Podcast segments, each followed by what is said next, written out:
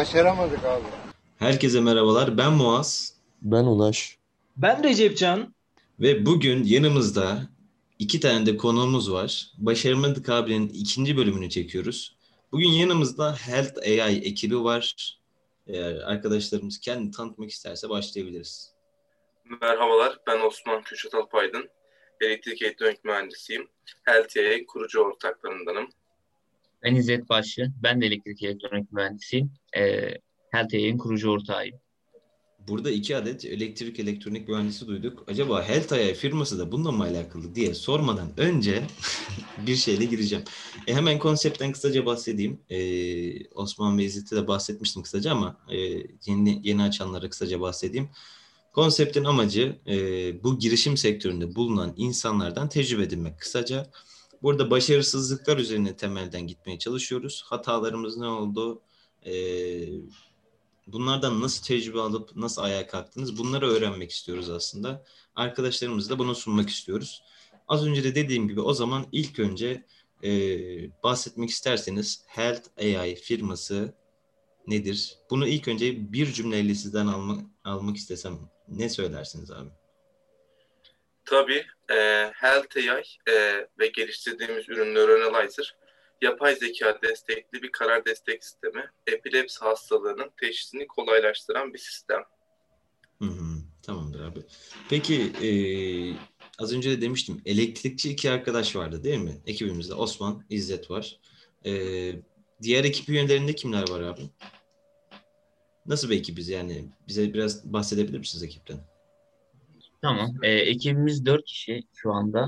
Ee, danışmanlarımızla birlikte 6 kişiyiz. Bir tane tıp fakültesi öğrencisi var. Abdülhamit Tatlı. Tıp fakültesinde 5. sınıf öğrencisi. Hı hı. Ee, bir de elektrik elektronik mühendisliğinde araştırma görevlisi olan doktor öğrencisi Mustafa Alper Balın var. Hı. Ee, şu anda 4 kişilik bir ekibiz. Ee, multidisipliner e, bir ekibiz. Aynı zamanda e, tıp fakültesinden e, hocalarımız var. Onların da, onlardan da danışmanlık alıyoruz. Böyle. Peki abi az önce bahsetti Osman. Ee, epilepsiye daha önce e, bir teşhis koymak adına, tedavi koymak adına bir süreçten bahsetti. Bunu biraz daha açmak gerekirse prosesimiz nasıl işliyor? Ürünümüz nelerdir? Ee, bunlardan bahsedebilir miyiz? Neuroanalyzer ne iş yapar? E, tabii e, biz hastaneye gittiğimiz zaman e, tıpçı arkadaşımızın da e, yönlendirmesiyle bu epilepsi teşhis sırasında e, çeşitli zorluklar olduğunu fark ettik. Ve daha sonra e, EEG ölçümlerini izledik. E, ne gibi problemler yaşadıklarını. EEG e, ölçümü teş- nedir abi? Ondan bahsedebilir miyiz? Tabii kusura bakmayın. E, EEG ölçümü e, beyin dalgalarının e, elektrotlar yardımıyla ölçülmesi. Bu beyindeki elektriksel aktivitelerin ve sinirsel aktivitelerin ölçümüne biz EEG diyoruz. Daha sonra e, biz teknikerlerden ve e, doktorlardan e, aldığımız geri bildirimlere göre e, bu hastalığın e, tanısının doğruluk oranının çok düşük olduğunu fark ettik. Şu anda %67'lik bir doğru oranı var, doğru tanı oranı var. E, bunun da e, sebepleri üzerinden çeşitli araştırmalar yaptık ve görüşmeler yaptık. E, teknikerler özellikle bu e, EEG ölçümlerini yaparken hastaların e, fizyolojik hareketleri, çevredeki e, elektronik cihazların e, meydana getirdiği gürültüler gibi problemler e, EEG sinyallerini karmaşık hale getiriyor. Ve e, hani sizin de tahmin edebileceğiniz beyin dalgalarının yorumlanması e, biraz zor bir iş ve beynin yaydığı elektriksel sinyallerin e, elektrik seviyeleri de düşük. Bu sebeple e, çevredeki cihazlardan et- etkilenebiliyor veya hastaların kas hareketlerinden etkilenebiliyor bu ölçümler. E, problemin asıl kaynağı buydu. Biz de bu e, çeşitli e, gürültüler ve e, bu EEG verilerinin okunmasını zorlaştıran unsurları yapay zekayla e, ortadan kaldırarak doktorlara aslında e, temiz bir EEG sinyali sunmayı hedefliyoruz. Şu anda bunlar üzerine çalışmalarımızı sürdürüyoruz. Bu sayede doktorlar e, önlerine gelen EEG ölçüm sinyallerini e, gürültüsüz ve e, hatalardan e, minimize edilmiş bir şekilde yorumlayabilecekler. Bizim proje fikrimiz böyle. Anladım. Şunu çok merak ettim. Nöroloji çok geniş ve çok güzel bir konu. Yani buna girmeniz de bence e, büyük bir cesaret ve e, emeğin ürünü olarak çıkmış. O çok belli. Burada aslında şunu çok merak ettim. Acaba e, sizin çalıştığınız bir ürün üzerine bir AI sistemi ekleyip bu sistemdeki dalgaları optimize etmek üzerine mi? Yani şunu sormak istiyorum. Bize her ürüne optimize olabilen, uyum sağlayabilen bir sistem mi sunuluyor NeuroAnalyzer'da? Yoksa e, bizim bir ürünümüz var fiziksel olarak. E, bu testleri yaptığımız, beyin sinyallerini ölçtüğümüz bir cihazımız var. Biz bununla birlikte e, bizim AI sistemimizi çalıştırıyoruz gibi bir ürün mü? E, esasen ikisini de yapıyoruz. Yani cihaz ve e, yazılımı birbirinden bağımsız bir şekilde çalıştırmayı hedefliyoruz. E, ancak e, ikisi birbirine entegre de olacak. Planlarımız bu yönde.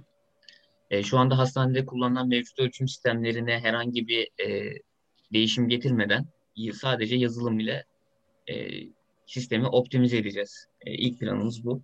İkinci aşamada ve daha ilerleyen süreçlerde şimdi tasarladığımız cihazımızı da e, geliştirerek hastanelere entegre etmek istiyoruz. O biraz daha ileri aşamalı hedefimiz. Çok iyiymiş. Gerçekten çok bu işleri böyle duydukça çok Türkiye'den çık- çıkabilecek işlerin e, kapasitesini daha da iyi anlıyorum. E, daha önceden de bahsetmiştim. Türkiye'de aslında çok ciddi bir girişim açığı var. E, bunu görebilenler de aslında girişim yapmaya, startup kurmaya çalışıyor. Tabii ki buna getirdiği artlar, eksiler de var. Birazcık da bunlardan bahsedebilirsek güzel olur. Örneğin e, ilk şundan bahsetmek istiyorum. Siz girişime başlarken en büyük gördüğünüz e, eksi neydi? Yani ben buradan patlayabilirim. Burada sıkıntı yaratabilir bu süreç bana dediğiniz bir süreç var mıydı? Veya bu süreci daha sonrasında yaşadınız mı? Bunu sormak istiyorum. E, aslında ilk başta e, çok bilmeden bir sağlık sektörüne daldık. Çünkü sağlık sektörünün e, çok iyi olduğunu biliyoruz. Mesela yapay zekanın e, çok fazla e, gelişmediğini sağlık sektöründe, diğer alanlarında daha ileride olduğunu mesela fintech'te özellikle yapay zekanın kullanımı e, çok ileri seviyelere geldi ama sağlıkta böyle bir şey fazla gelişmemişti. E, biz de ilk başta herhangi bir süreç veya kamu regülasyonları, sertifika süreçlerini bilmeden e, aslında bir yapay zeka aslında destekli bir karar destek sistemi geliştirmeye başladık.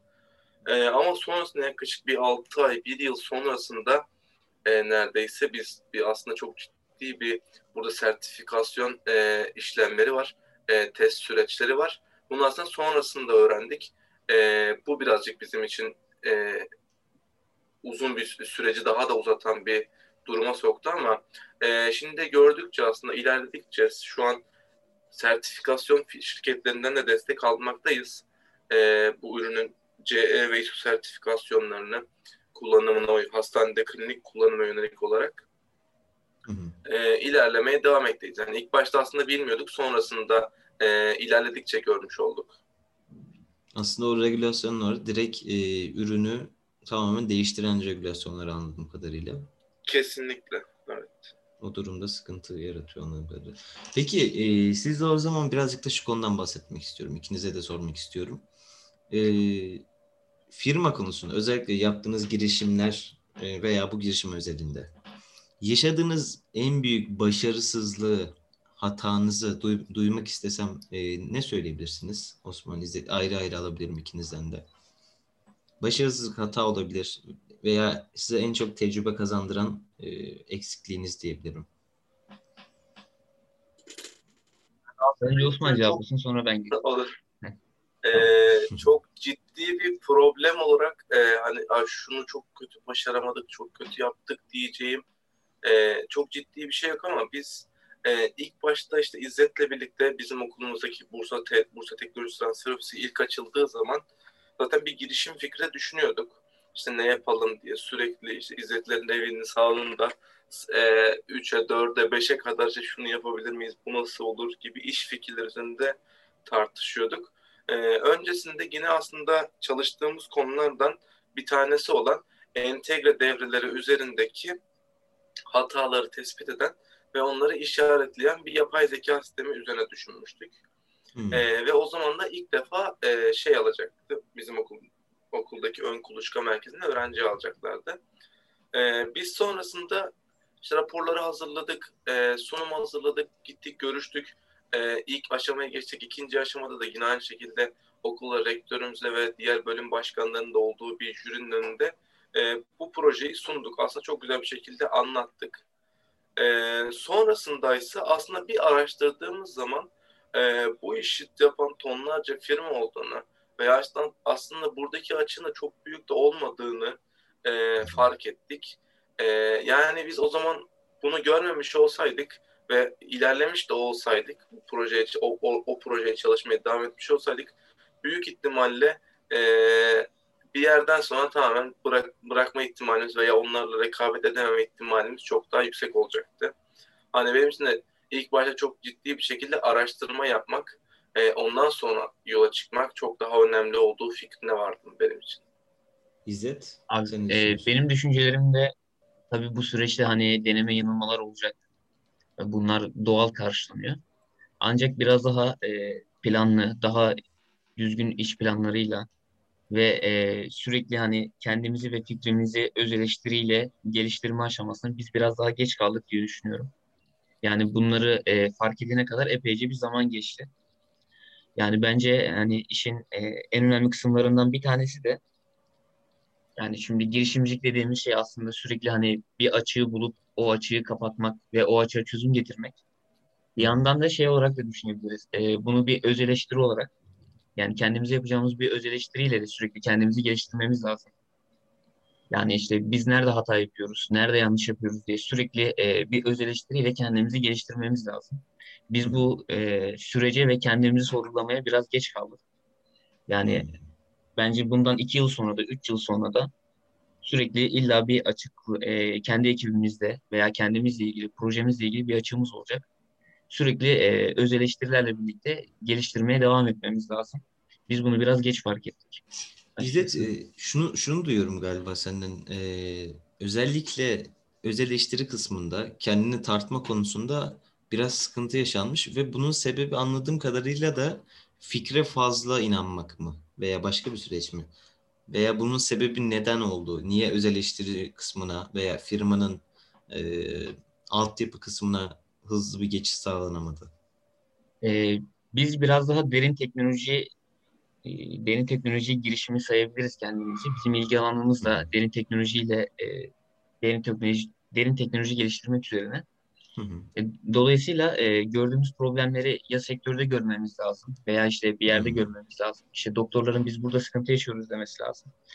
İşte bize de aslında ilk problemi, ilk problemin geliş şekli hani sektörden olduğu için yani bunun gerçekten bir ihtiyaç olduğunu e, düşünmeye başladık ama düzgün bir pazar araştırması yapmadık. Bunun yanı sıra e, girişimcilik ekosistemine de gerçekten çok yabancıydık. E, son zamanlarda kendimizi e, biraz daha geliştirmeye başladık konularda. İlk başlarda e, biraz da tabii toy olmanın e, verdiği bir hataydı, tecrübesizlik diyebiliriz.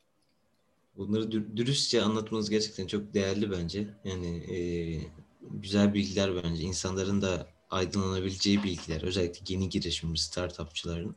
E, startupçı neymiş ya? Yeni bir laf. E, şunu da sormak istiyorum. Az önce şeyden bahsettiniz. Girişimci yani TTO bize Bursa Teknik Üniversitesi'ne teknoloji transferisi geldiği gibi bizim hakkımızda bazı fikirler oluşmaya başladı. Biz direkt fikir bulmaya çalıştık gibi şeyler söylediniz. Bunlar da bence aslında girişimci bir ruhun temsili diyebiliriz aslında. Ve bu ikisi e, bu ikinizde de bu durumu rahatlıkla görebiliyorum. Girişimci ruha sahip insanlarsınız. Bunu e, bazı insanlar üniversitede, lisede veya daha erken yaşlarda e, sahiplenmiş insanlar da var. İlk önce şunu, şunu dinlemek istiyorum sizlerden. E, eğer sizin için de uygunsa. Nasıl bir ailede büyüdünüz? Nerede büyüdünüz? Nasıl bir ekosistemde büyüdünüz? Ve bu girişimci ruha sizleri neler itti? Bunları çok merak ediyorum. Çünkü insanların bazısı sırf girişim yapayım diye e, girişim yapmaya çalışıyor ama o ruha sahip olmayınca sadece para için bir e, temenniye dönüşüyor bu. Siz tam tersine para kazanmasak da ben sizleri e, ve firmanızı da bildiğim için şu an itibariyle e, para kazanmasak da bir ürün geliştirip bunu çok daha ilerisinde, ileriki hedefte kazandıracak bir sistemin olduğunu inandığınız için yaptığınızı biliyorum. Bu da girişim ruh, girişimci ruh bence. Ee, ilk önce şeyi sormak istiyorum dediğim gibi. Nasıl bir ailede büyüdünüz? Nerede büyüdünüz? Ve sizi bu girişimci ruha neler itti diyebilirim. Bunları sormak istiyorum aslında sizlere. Hmm, Ben işte 1997'de Afyonkarahisar'da doğdum. E, aslında e, ailem memur e, ve hani evde böyle çok da girişimcilik veya çevremizde çok girişimcilikle alakalı çok insan yok veya işte esnaf olan amcalarımdan gördüğüm kadarıyla işte e, en önemli şeyin aslında e, esnaflığın da bir aslında bir ahlakı yani nasıl girişimciliğin de bir ahlakı olduğu gibi yani aynı şekilde esnaflıkta da e, mesela bir insana bir söz veriyorsak o mutlaka o sonrasında ondan zarar bile etsek o sözün mutlaka arkamızda arkasında durmamız gerektiğini veya işte insanlar bize e, bizden bir, bir konuda yardım istediği zaman bu yardımın sonuna kadar elimizden geldiğinin en sonuna kadar yardım etmemiz gerektiğini aslında görerek büyüdüm ama çok böyle girişimci olacağım gibi veya ileride hedeflerim yoktu. Ben daha çok ARGE mühendisi olmak istiyordum öncesinde. Ee, üniversitede de aslında yine çok ciddi olmayan işte arkadaşlarıma fotokopi çekip ufak tefek paralar kazandırarak e, para kazanarak ilerle, ilerliyordum ama e, buradaki hani ana, ana sebep bizim için kendimizi geliştirmek ve hani ortaya gerçekten katma değerli bir ürün ortaya çıkartabilmekti. Benim bu şekilde bir gelişimim oldu. Ee, ben İstanbul'da doğdum. Ee, doğduğumdan beri burada yaşıyorum. As- aslında ben de girişimcilik kavramına epey bir uzaktım. Hani yani girişimcilik kavramı olarak uzaktım daha doğrusu diyebilirim. E, bence girişimcilik yani önce tanımını yapacak olursak benim kendi açımdan e, problemlere çözüm üretebilmek ve problemleri görebilmek biraz da eleştirel bir bakış açısına sahip olabilmek. E, ben hani e, şey böyle tarihe merak duyuyordum böyle felsefeye merak duyuyordum. Sorgulamayı, araştırmayı seviyordum ve hatta yani uzun bir süre tarihçi olmayı da düşündüm. Mühendislik yazarken cidden çok zorlanmıştım. Ben bir tarihçi olmak istiyordum. Bu sebepten e, çevremizdeki e, olayları e, incelerken ve aynı şekilde çeşitli e, işleyişleri e, incelerken bu e, çeşitli ekosistemlerin içinde bulunurken belli başlı e, şeyler üzerinde eleştiri geliştiriyoruz ve bu eleştirilerle de nasıl olması gerektiği konusunda fikir yürütüyoruz. Osman'ın da hani daha önce bahsettiği gibi böyle e, biz toplanıyorduk arkadaşlar olarak. Ne yapabiliriz, nasıl çözebiliriz falan diye aslında bir senedir, bir buçuk senedir bu e, yola girmeden önce düşünüyorduk. Hı. Daha sonra da biraz e, hayatın e, doğal akışı bizi buraya itti diyebilirim. Hmm. Çok iyi şey. Yani o zaman girişimcilikte bir şey olayı da var galiba. Ee, evet biz bir girişim yapıyoruz ama bazen de e, kondisyonlar bizleri bu durumlara itiyor gibi bir durum var anladığım kadarıyla. Evet kesinlikle. Yani aslında hepimizin hayatı bence öyle. Yani birçok noktası hayatımızın böyle. Ee, dış koşullar e, bizi bir noktaya getirebiliyor. Buna şans da diyebiliriz veya e, aldığımız e, ama sonucunu göremediğimiz kararlar da diyebiliriz. Yani hepimiz farklı bölümleri seçebilirdik veya farklı e, işlerle uğraşabilirdik. Hani biraz da e, tesadüf ve olayların bir araya gelmesi diyebiliriz hani. Bir de aslında şey burada hani doğru zamanda doğru yerde olmak hani bunun hepsi doğru olduktan sonra aslında doğru bir ekip aslında orada ekip fikir her şeyin doğru olması ilerleyişin aslında doğru olması başarıya götüren etmen insanlarda veya girişimlerde. Hatta burada bir laf vardı galiba. Pazar ürün uyumu gibi. Ee, tam ismini unuttum. İngilizcesi daha cool bir şeydi de şimdi söyleyince böyle biraz şey, şey gibi oldu. Ee, bir şey Market, product, fitting. fit. Heh, evet evet aynen. Bunlar da çok önemli kavramlar anladığım kadarıyla. Yani bir, birkaç yerden dinliyorum. Hep bunlardan bahsediliyor vesaire. Tabii ben birazcık daha şeyim böyle şu an. Ee, sizden çok daha toyum yani. Siz çok daha artık kavramışsınız olayları. Çok daha rahat ilerliyorsunuz. Onu da görüyoruz. Ee, o zaman şunu sorabilirim sizlere tekrardan. Her, ben sorsam e, Tabii ki Recep Bey buyurun. Sen doymadın çünkü. E, gerçekten Doymadım. girişimci ruha, ruha sahip olduğunu söyleyebilirim buradan. Teşekkürler Recep Bey. Ben şunu merak ediyorum. E, hani az önce bahsetti e, İzzet hani gözlem yapmak, işte sorgulamak, düşünmek. Aslında fikir üretirken de biz mesela her zaman şey diyoruz. Girişimci çok iyi gözlem yapabilmesi gerekiyor. Çünkü sorunu çok iyi algılaması ya da e, insan ihtiyaçlarını çok iyi kavraması gerekiyor diye de.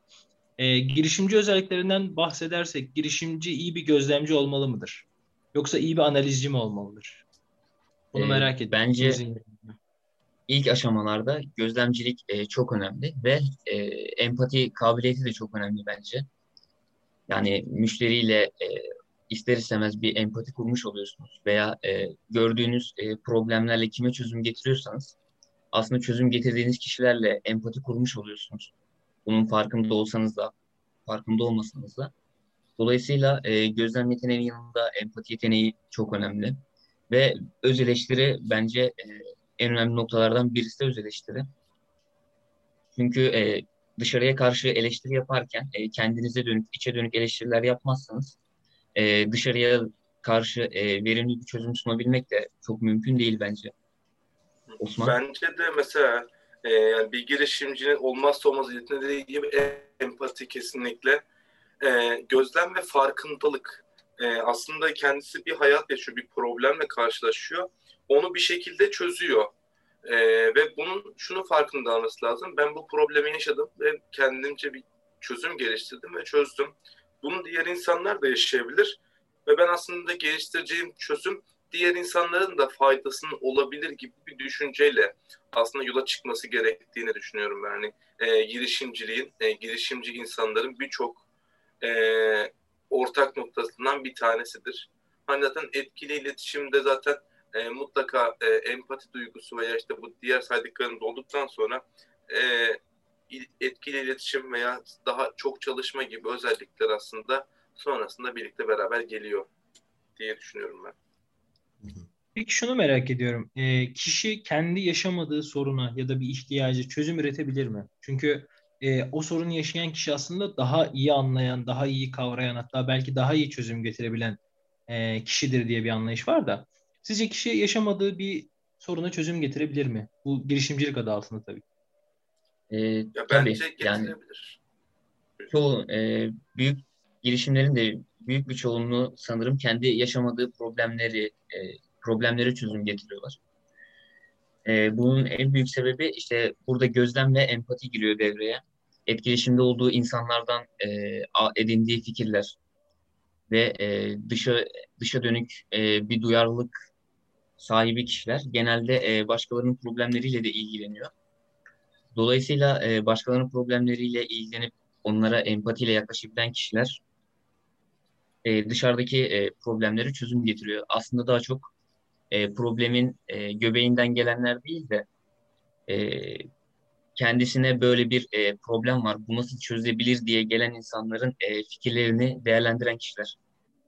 Yani burada Osman şey de... gibi, hani, ha, e, hani kutunun dışından bakmak diye bir şey, think out e, side of the box diye bir, aynen. E, o gibi aslında burada problemi çok böyle şey yapmamak lazım. Hani fikre aşık olduktan sonra bir yerden sonra o fikrin veya o ürünün e, kötü yanlarını görülemiyor aslında. Burada da aslında girişimci kendi yaşamadığı veya sadece gözlemlediği sorunları sorun e, gözlemlediği şeyde problemdeki açıkları aslında e, içinde olmadığı zaman da daha iyi fark edebiliyor kesinlikle bence de. E, burada önemli olan aslında problemi doğru anlamak e, bu da problemi yaşamak kadar do, e, önemli. Problemin kök sebebini anlamak, e, nereden kaynaklandığını ve buna en uygun çözümü geliştirmek. Hani belki biz bir çözüm geliştiriyoruzdur ama karşı tarafa verdiğimiz zaman karşı tarafın beklediği çözüm o değildir. E, yani işte burada ürün pazar uyumu da aslında buna ifade ediyor. Yani problem var, bir çözüm var ama bu market, müşterinin istediği e, bir çözüm değil.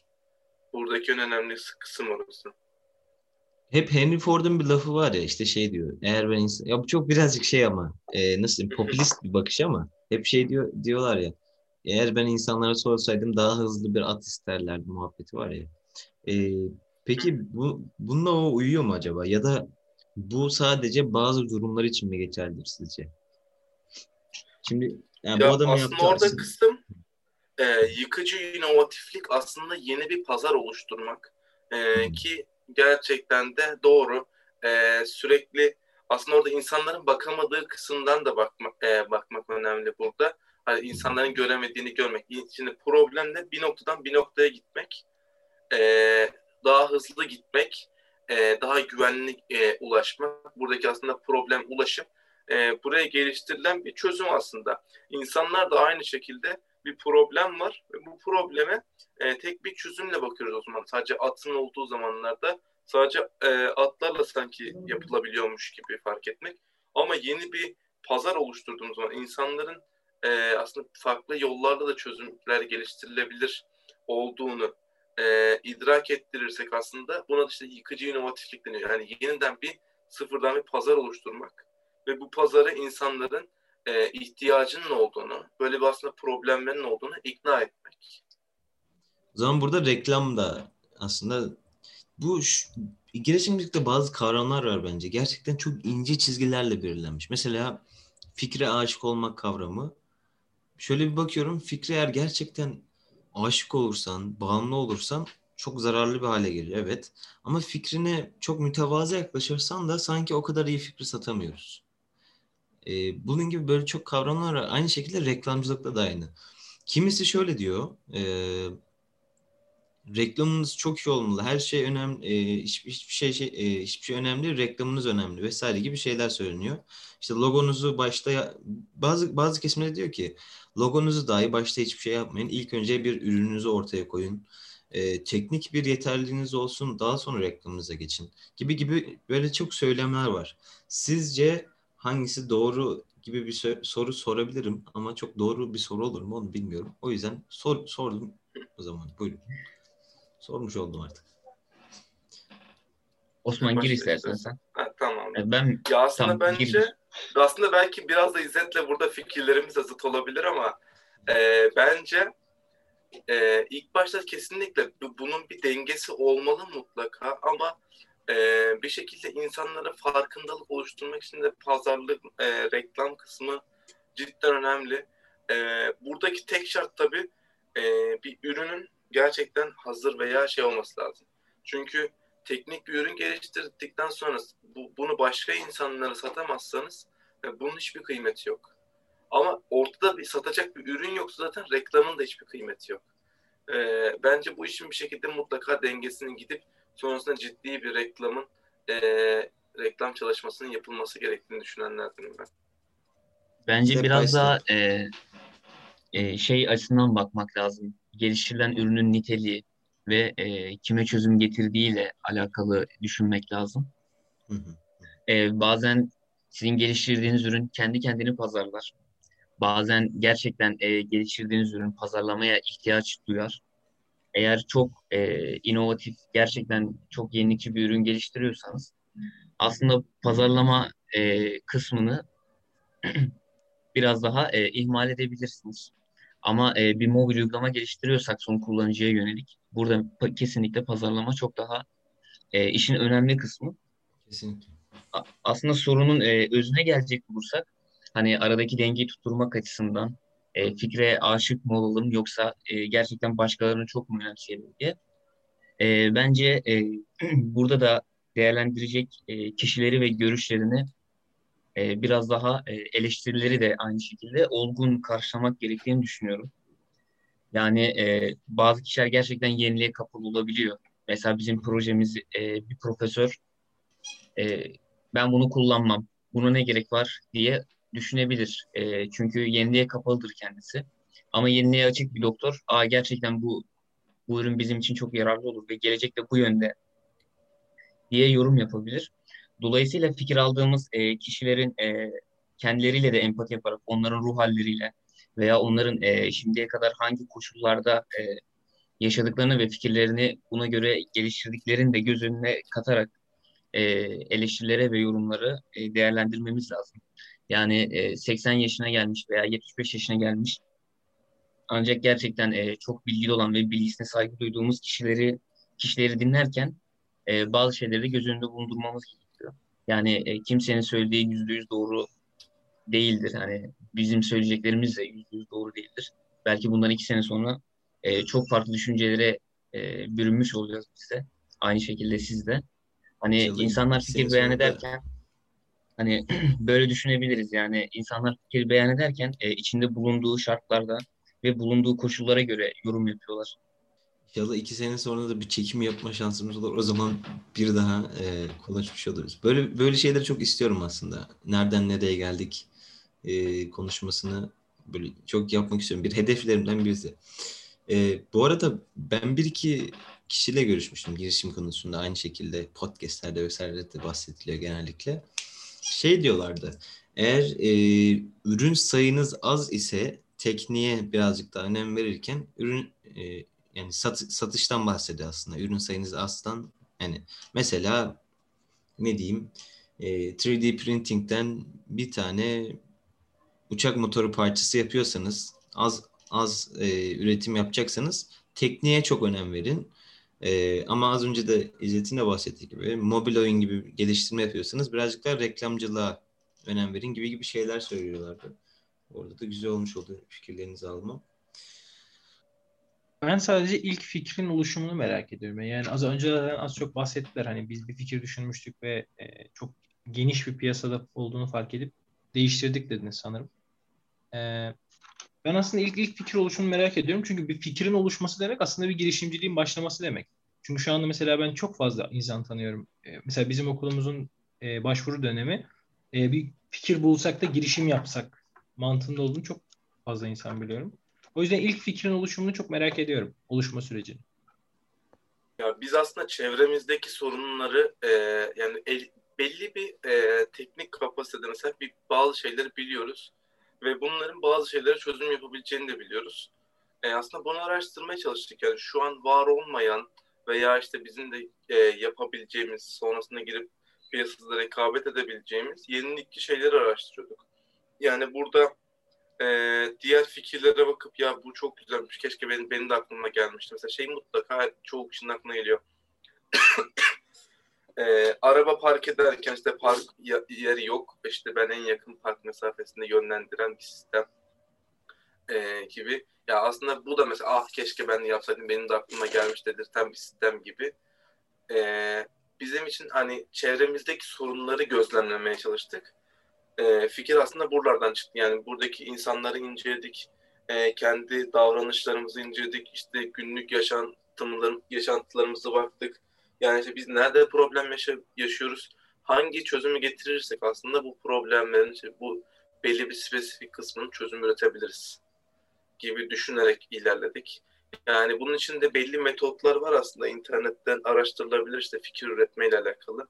Ee, bildiğiniz teknolojileri bir kağıda yazacaksınız. Trend teknolojileri bir kağıda yazacaksınız. Ee, sonrasında bunlardan böyle rastgele çekeceksiniz. Bu ikisini e, birleştiren ve bir sorunu çözen bir proje fikri oluşturacaksınız. Böyle böyle 20 kere 30 kere tekrarladıktan sonra böyle bir sürü fikir oluşuyor kafanızda. Onlardan arasından seçeceksiniz gibi. Fikir aslında oluşturmak kafada oluşan bir şey aslında hep birlikte. Ee, benim bu konudaki görüşlerim hani biraz da e, fikrin ilk filizlenmesi e, dışa dönük e, görünüzle ve e, değerlendirmelerinizle oluyor. Ama bu fikrin e, bir iş planına oturtulması, ilerlemesi ve planlamasının yapılması e, biraz daha e, içe dönük e, düşüncelerinizle ve değerlendirmelerinizle ortaya çıkıyor. Hani aslında biraz da e, doğal süreç olarak bazı şeyler kendi kendine gelişiyor.